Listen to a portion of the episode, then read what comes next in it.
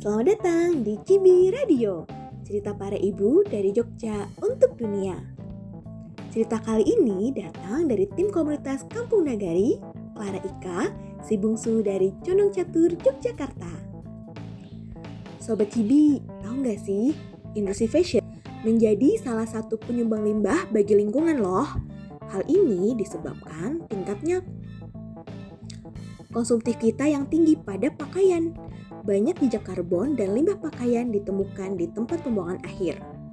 Nah, yuk coba Sobat Tibi lihat pakaian di lemari. Hayo loh, selama pandemi, pakaian mana yang sering kita pakai? Lebih banyak yang tidak terpakai bukan?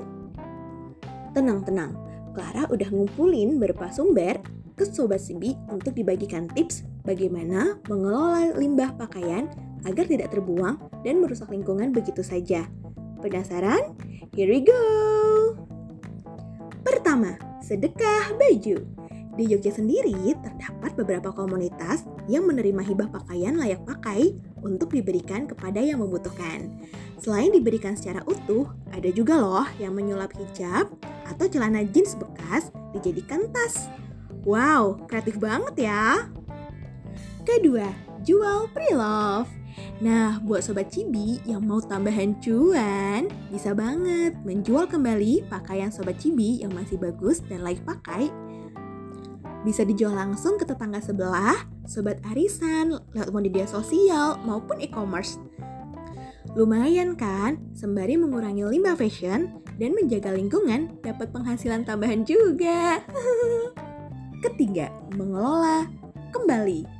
Nah, Sobat Cibi dapat mengolah pakaian bekas menjadi pakaian baru dengan DIY. Banyak tutorial di media sosial yang mendemonstrasikan hal ini loh. Nah, bisa banget nih Sobat Cibi lakukan untuk mengisi waktu luang dengan kegiatan kreatif. Ya, sembari DIY kita juga bisa menjaga lingkungan. Sobat Cibi, segitu dulu ya tips mengelola limbah pakaian dari Clara. Kalau Sobat Cibi ada tips lain, boleh banget nih share di kolom komentar ya. Jadi bisa nambah-nambah referensi lain kan? Yuk kurangi limbah pakaian, dimulai dari diri sendiri, mulai dari sekarang. Terima kasih sudah mendengarkan. Mohon maaf jika banyak hal yang kurang berkenan. Clara pamit, sampai jumpa di, di pertemuan selanjutnya. Have a nice day!